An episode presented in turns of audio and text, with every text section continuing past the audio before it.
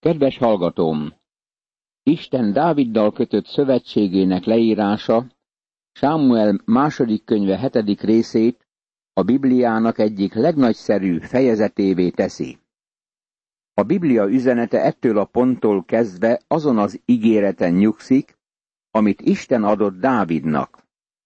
Dávid nagyon kívánta, hogy házat építhessen Isten ládájának, és Nátán próféta egyetértett ezzel a tervel. Isten megjelent Nátánnak, hogy helyesbítse Dávid látását, mert Isten nem engedte meg Dávidnak a templom építést a sok vérontás miatt. Isten azonban elismerte kívánságát, és viszonzásul megígérte, hogy házat épít Dávidnak. Isten azt ígérte, hogy egy király és egy királyság jön Dávid családi vonalán. Itt nem csak Salamonra, hanem Krisztusra, Dávid még nagyobb fiára és örökkévaló országára utalt. Isten esküvel erősítette meg ezt az ígéretét. 89. Zsoltár, 34. verstől a 37. versig. Dávid megértette, hogy király érkezik családi vonalán, aki több lesz, mint ember. Őszintén szólva, nagyon nehéz megérteni a profétákat ebből a szempontból anélkül, hogy ismernénk ezt a szövetséget. Ez az egyik oka annak, hogy sokan olyan reménytelen zavarba keverednek a proféciák tanulmányozásakor, mert nem figyelnek fel egy ilyen fejezetre. Sámuel második könyve hetedik része az egyik legjelentősebb fejezet eddig az Ószövetségben. Az új szövetség ezzel kezdődik. Jézus Krisztusnak, a Dávid fiának, az Ábrahám fiának nemzetségkönyve. Ez fontos, mert a Dávidnak adott isteni ígéret teljesedett be a proféciákban. Amikor Gábriel angyal megjelent Máriának, ezt mondta, ne félj, Mária, mert kegyelmet találtál az Istennél. Íme fogansz méhedben, és fiút szülsz, akit nevez Jézusnak. Nagy lesz ő, és a magasságos fiának mondják majd. Az Úristen neki adja atyának, Dávidnak a trónját. Lukács evangéliuma, első rész, 30., 31. és 32. vers. Láthatjuk, hogy Isten teljesíti a Dávidnak tett ígéretet. Péter Sámuel második könyve hetedik részéről beszélt, amikor pünkös napján prédikált. Atyám fiai, férfiak, nyíltan megmondhatom nektek ősatyánkról, Dávidról, hogy meghalt és eltemették. Sírja is nálunk van mindmáig. De próféta volt, és tudta, hogy az Isten esküvel fogadta neki, hogy véréből valót ültet a trónjára. Apostolok cselekedetei, második rész, 29., 30., 25. verstől a 31. versig, a 34. verstől a 36. versig terjedő szakasz. Péter utal arra, amit Isten Dávidnak ígért. Pál a római levélben ezt írja. Pál Krisztus Jézus szolgája, elhívott apostol, akit az Isten kiválasztott arra, hogy hirdesse evangéliumát, amelyet profétái által a szent iratokban előre megígért. Az ő fiáról szól ez az evangélium, aki test szerint Dávid utódaitól származott. Római levél, első rész, első, második és harmadik vers. Az új szövetség az Úr Jézus Krisztusnak ezzel a mondásával zárul. Én, Jézus, küldtem el angyalomat, hogy ezekről bizonyságot tegyen nektek a gyülekezetek előtt. Én vagyok Dávid gyökere és új hajtása, a fényes hajnalcsillag. Jelenések könyve, 22. rész, 16. vers. Ezek csupán kivonatok az 59 Dávidra történő utalás közül az új szövetségben. Az Ószövetség profétái üzenetüket a királyság ígéretére alapozták, amit Isten tett Dávidnak a Sámuel második könyve hetedik részében. Rájössz, hogy az Ószövetség valamennyi profétája visszamegy Dávidhoz és Isten ígéreteihez a királyságot illetően. Végül is, ami Isten országa, az a Dávidnak megígért ország. Például Jeremiás 23.5-ben ezt olvassuk. Eljön majd az idő, így szól az Úr, amikor igaz sarjat támasztok Dávidnak, olyan királyt, aki bölcsen uralkodik, jog és igazság szerint jár el az országban. A királyság a proféták énekének a témájává lett. Amikor a király már a palotájában lakott, és az úr mindenfelől nyugalmat adott neki ellenségeitől, ezt mondta a király Nátán profétának. Nézd, én Cédrus palotában lakom, az Isten ládája pedig sátorlapok között lakik. Nátán ezt mondta a királynak. Tedd meg mindazt, ami szándékodban van, mert veled van az Úr. Sámuel második könyve, hetedik rész, első, második és harmadik vers. Figyeljük meg ez igeversek hátterét. Már láttuk, hogy Dávid elfoglalta Jeruzsálemet és fővárosává tette. Ekkor Hiram, Tirus királya felépítette Dávid palotáját a Sion hegyén. Végül Dávid bevitte a frigyládát Jeruzsálem városába. Egy éjszaka, amikor Dávid palotájában pihent, kezdett gondolkodni a frigyládáról. Azt hiszem, talán valamelyik esős időszak lehetett az Jeruzsálemben. Az első éjszakán, amelyet abban a városban töltöttem, esett az eső, és azt gondoltam, hogy valószínűleg egy ilyen esős éjszaka lehetett az, amikor Dávid fölkelt, és hallotta az eső csepegését abban a gyönyörű palotában, amelyet barátja, Hirám épített neki. Aztán gondolt Isten ládájára, amely sátorban pihent. Talán még oda is hallatszott a sátorlapon kopogó esőcseppek zaja, és azt gondolta, hogy házat fog építeni Istennek. Dávid hívatta Nátán profétát, és kitárta előtte szívének vágyát. Ezt mondta, én Cédrus házban lakom, de Isten ládája függönyök mögött húzódik meg. Nátán azt mondta Dávidnak, hogy valósítsa meg terveit. Itt van az az eset, amikor egy próféta tévedhet. Nátán így szólt, menj és tedd meg szíved vágyát, mert az Úr veled van. Én is ugyanezt mondtam volna. Tény, hogyha valaki odajönne hozzám és ezt mondaná, szabatosságot akarunk vállalni rádiós szolgálatáért egy bizonyos állomáson, őszintén ezt mondanám, kezdjük el azonnal, mert ez összhangban van az én vágyammal is. De mi lenne, ha nem volna összhangban az elgondolásom Isten akaratával? Megértem, hogy Nátán hogyan érzett. Dávid tervei egészségesnek hangzottak. Nátán nem gondolhatott volna annál jobbat, mint hogy valaki házat épít Istennek, de tévedett. Dávid, ahogy már korábban jeleztük, sok háborút folytatott. Jóval azelőtt elkövette nagy bűnét, és akkor is embervért ontott. Isten így szólt, nem építhetsz nekem templomot. Ez volt azonban Dávid szívében, és Isten elismerte törekvését. Azt hiszem, tévedünk, ha azt a templomot Salamon templomának nevezzük, mert Dávid gyűjtötte az összes anyagot, minden előkészületet ő tett meg, és beszélt az építéssel. Salamon csak véghez vitte a terveket. Ezért azt Dávid templomának kell nevezni. De még azon az éjszakán az történt, hogy így szólt az Úr igéje Nátánhoz.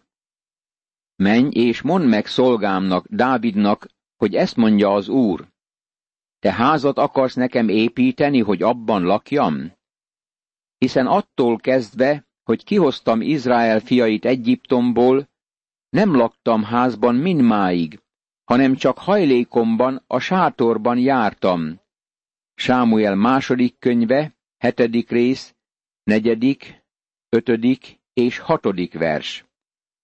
Isten helyesbítette Nátán véleményét. Ezt mondta neki. Helyesbítsd szavaidat, amit Dávidnak mondtál. Menj el Dávidhoz, és mondd meg, hogy nagyra értékelem azt a tényt, hogy házat akar nekem építeni. Sohasem kértem őt erre. Sohasem kértem senkit arra, hogy nekem házat építsen. Isten az ő népével a sátorban találkozott. Más szóval, Isten azonosult az ő népével. Ezért történt, hogy kétezer évvel ezelőtt Jézus Krisztus lejött a földre, és magára vette emberségünket. János ezt mondta, az ige testé lett, közöttünk lakott, és láttuk az ő dicsőségét, mint az atya egyszülöttjének dicsőségét, telve kegyelemmel és igazsággal. János evangéliuma első rész, tizennegyedik vers. Az a kifejezés, hogy köztünk lakott, azt jelenti, hogy köztünk sátorozott. Nem sátorlapból készült hajlékban találkozott velünk, hanem magára öltötte emberi testünket. Lejött a földre, azonosult velünk. Isten mindig azonosította magát az ő népével. Amíg csak együtt jártam Izrael fiaival, mondtam egy szóval is Izrael bármelyik törzsének, amikor azt parancsoltam, hogy pásztorolják népemet Izraelt, miért nem építettetek nekem cédrus házat? Sámuel második könyve, hetedik rész, hetedik vers. Más szóval, a templom építés Dávid elgondolása, és nem Isten parancsa volt. Isten neki adja ezért az elismerést, hogy templomot akar építeni. Most azért ezt mond szolgámnak, Dávidnak. Ezt mondja a seregek ura. Én hoztalak el a legelőről, a junyáj mellől, hogy fejedelme légy népemnek, Izraelnek. Sámuel második könyve, hetedik rész, nyolcadik vers. Isten így szól. Te kis pásztorfiú voltál, amikor kiválasztottalak. Most már népem fejedelmévé tettelek. Veled voltam mindenütt, amerre csak jártál. Kiirtottam előled minden ellenségedet. Olyan nagy nevet szereztem neked, amilyen neve csak a legnagyobbaknak van a földön. Sámuel második könyve, hetedik rész, kilencedik vers. Isten könyvében Dávid az egyik legnagyobb embernek számít, aki valaha élt a földön. Hasonlítsd össze Dávidot bárkivel, akit ismersz a világtörténelemben, és azt látod, hogy kimagaslik közülük. Ha helyesen értem a proféciákat, akkor Istennek az a szándéka, hogy amikor Dávid föltámad a halálból a feltámadás napján, akkor ő lesz az Úr Jézus Krisztus társuralkodója e földön, az ezeréves országlás idején. Helyet készítettem népemnek, Izraelnek is, és úgy ültettem el ott, hogy a maga helyén lakhat. Nem kell többé rettegnie, és nem nyomorgatják többé a gonoszok, mint kezdetben. Sámuel második könyve, hetedik rész, tizedik vers. Isten ezt szándékozik tenni. Figyeld meg, hogy mi az Isten akarata. Helyet készítettem népemnek, Izraelnek, úgy ültettem el ott, hogy a maga helyén lakhat. Barátom, ez nagyon régen történt. Isten ezt közel háromezer évvel ezelőtt mondta, és még nem valósult meg. Isten teljesíti azt, amit ígért. Attól a naptól fogva, hogy bírákat rendeltem népemnek, Izraelnek, és nyugalmat adtam összes ellenségettől. Azt is kijelentette neked az Úr, hogy az Úr akarja a te házadat építeni. Sámuel második könyve, hetedik rész, tizenegyedik vers. Isten így szólt Nátánhoz. Menj, mondd meg Dávidnak, hogy házat építek neki. Dávid ezt mondta, házat akarok építeni Istennek. Isten így válaszolt, Dávid, te nem építhetsz nekem házat, sok vért ontottál. nem építheted fel házamat, de ismerem szíved vágyát. Elismerem azt a vágyadat, hogy házat akartál nekem építeni, és én építek neked házat. Ez Isten terve. Őt nem múlhatjuk fölül. Olyan sokan azért vagyunk szegények, mert olyan keveset vállalunk az Úrért. Sohasem kerülünk olyan helyzetbe, hogy ő sokat tehessen értünk. Dávidtól megtanulhatjuk a leckét. Dávid akart valami nagyot tenni Istenért, és Isten valami még nagyobbat tett érte. Ha majd letelik az időd, és pihenni térsz őseidhez, fölemelem majd utódodat, aki a tevéredből származik, és szilárdá teszem az ő királyságát. Sámuel második könyve, hetedik rész, tizenkettedik vers. Ez óriási ígéret. Azt olvassuk az új szövetségben, hogy az Úr Jézus Krisztus Dávid magvából való. Római levél, első rész, harmadik vers. Isten így szólt Dávidnak. Feltámasztom utánad a te magodat, és ő létesít nekem királyságot. Isten nem Salamonról mondja ezt. Isten az Úr Jézus Krisztusra utal. Ő épít házat nevem tiszteletére, én pedig megerősítem királyi trónját örökre. Sámuel második könyve, hetedik rész, tizenharmadik vers. Itt Salamon a téma, mert ő a következő nemzedék feje. A királyság azonban túlmegy Salamonon, és a jövőbe mutat. Megerősítem királyi trónját örökre. Ez beszél Dávid trónjáról. Az Úr Jézus Krisztus egy napon Dávid trónjára ül. Ezt mondta Gábriel angyal Máriának. Nagy lesz ő, és a magasságos fiának mondják majd. Az Úristen neki adja atyának, Dávidnak a trónját. Lukács evangéliuma, első rész, 32. vers. Atya leszek, és ő a fiam lesz. Ha bűnkövet el, megfenyítem férfihoz illő bottal és embereknek kiáró csapásokkal. Sámuel második könyve, hetedik rész, tizennegyedik vers. Figyelj ismét Isten ígéretére. Isten különös módon mondja, Atya leszek. A feltámadáskor az Úr Jézus Krisztus ezt mondta Magdalai Máriának. Ne érints engem, mert még nem mentem fel az atyához, hanem menj az én testvéreimhez, és mondd meg nekik, felmegyek az én atyámhoz, és a ti atyátokhoz, az én Istenemhez, és a ti istenetekhez. János evangéliuma, 20. rész, 17. vers.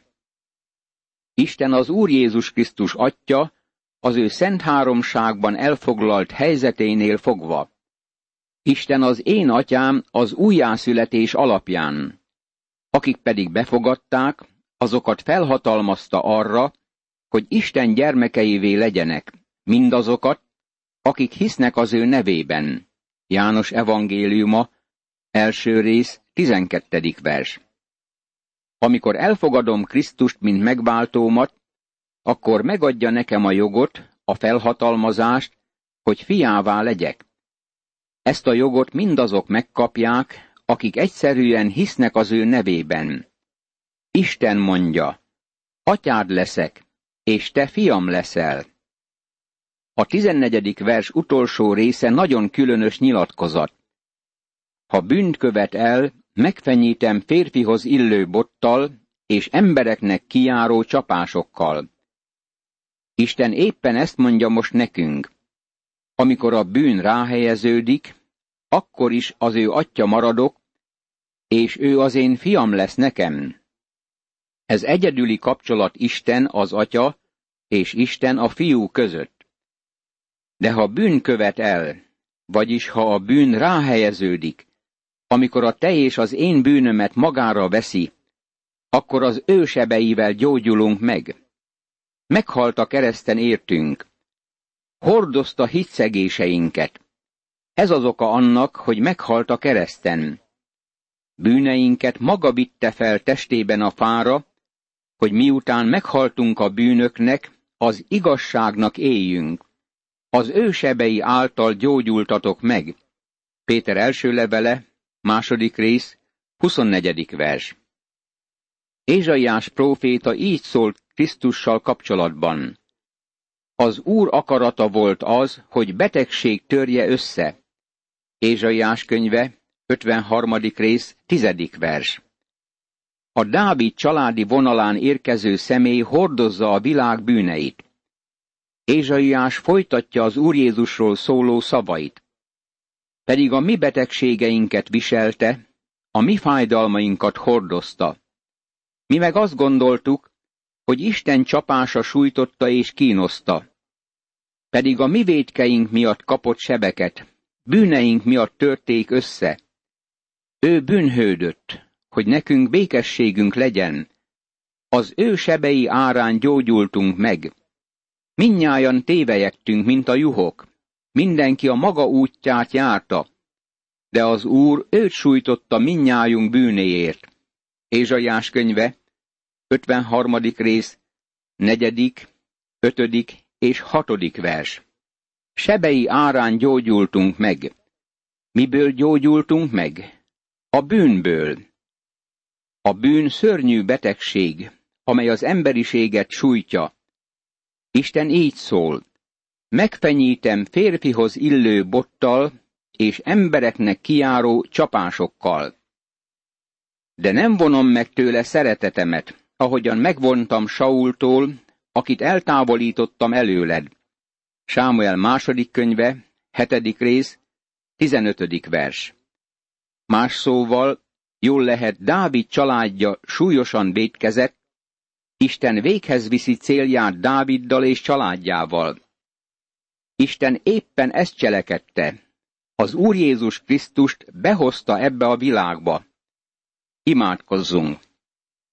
Kegyelmes Istenem, köszönöm, hogy újból rámutattál az Úr Jézus Krisztusra, aki vállalta bűneim büntetését, és meghalt értem a kereszten. Köszönöm, hogy az ő sebeivel meggyógyulhatok én is, és új életet élhetek a te dicsőségedre. Amen.